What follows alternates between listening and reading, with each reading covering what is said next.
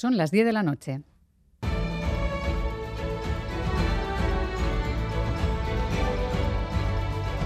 Radio Euskadi y Radio Vitoria.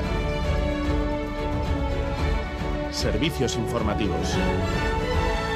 Repasamos los titulares de la jornada con John Fernández Mur, Gabón. Gabón, Miriam, noticias de este jueves 23 de marzo en el que comenzamos mirando a Francia. Disturbios en las principales ciudades en una jornada de huelga histórica. En Burdeos, los manifestantes han prendido fuego al portal del ayuntamiento que ha ardido con grandes llamaradas y en París los bomberos se están empleando a fondo para apagar los al menos 190 incendios declarados en papeleras, kioscos y diferentes objetos usados como barricadas. Violentos enfrentamientos en los que se ha destruido mobiliario urbano o escaparates comerciales. Según medios franceses, en esos disturbios en París, una joven ha resultado inconsciente a consecuencia de una intoxicación por gas lacrimógeno. Ha sido sacada en volandas por otros manifestantes y atendida por servicios médicos. Ha recuperado finalmente la conciencia. También un policía ha llegado a quedar inconsciente. Al menos 149 gendarmes han resultado heridos, según eh, reconocía el ministro del Interior, Gérald Darmanin.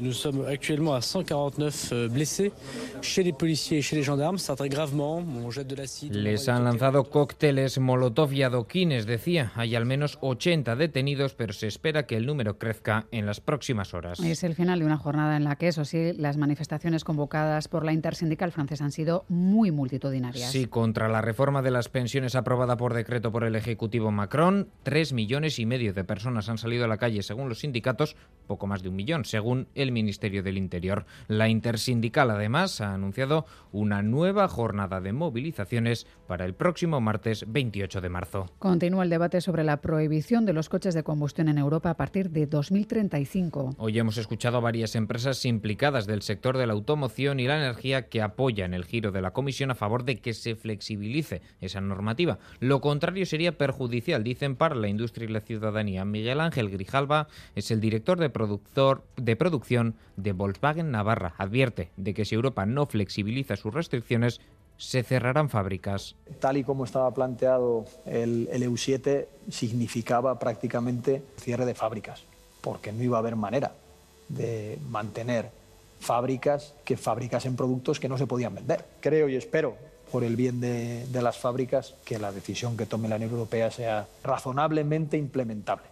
Según Grijalva, la planta de Volkswagen en Landaven ya ha apostado por el coche eléctrico para el futuro y es capaz de adaptarse a lo que venga, pero otras marcas y plantas del grupo sufrirían si no se permiten los combustibles sintéticos a partir de 2035. El Tribunal Constitucional ha avalado íntegramente la ley CELA. Sí, ha rechazado por mayoría el recurso que interpuso Vox contra la nueva ley de educación, principalmente por la medida de no financiar con dinero público a los colegios que segregan a niños y niñas por sexo. Este es el segundo segundo recurso consecutivo de Vox que desestima el Tribunal eh, Constitucional de manera consecutiva. Ayer fue el turno del presentado en contra de la ley de eutanasia. Y hoy hemos conocido novedades en la normativa de las Aurrescolac para el próximo curso. Porque la gratuidad trae cambios en la normativa, entre otros que los niños que no asistan un 80% de los días o que no acudan durante 10 días laborables consecutivos sin justificación serán automáticamente dados de baja. Y otra novedad, habrá tres horarios distintos, entre ellos uno de tarde, aunque solo se ofrecerá en las capitales. El plazo para la prematriculación en las Aurrescolac se abrirá dentro de un mes, el 24 de abril. Es todo, así terminamos. Más noticias en una hora y en todo momento en itv.eus y en la aplicación ITV Albisteac. Geroarte.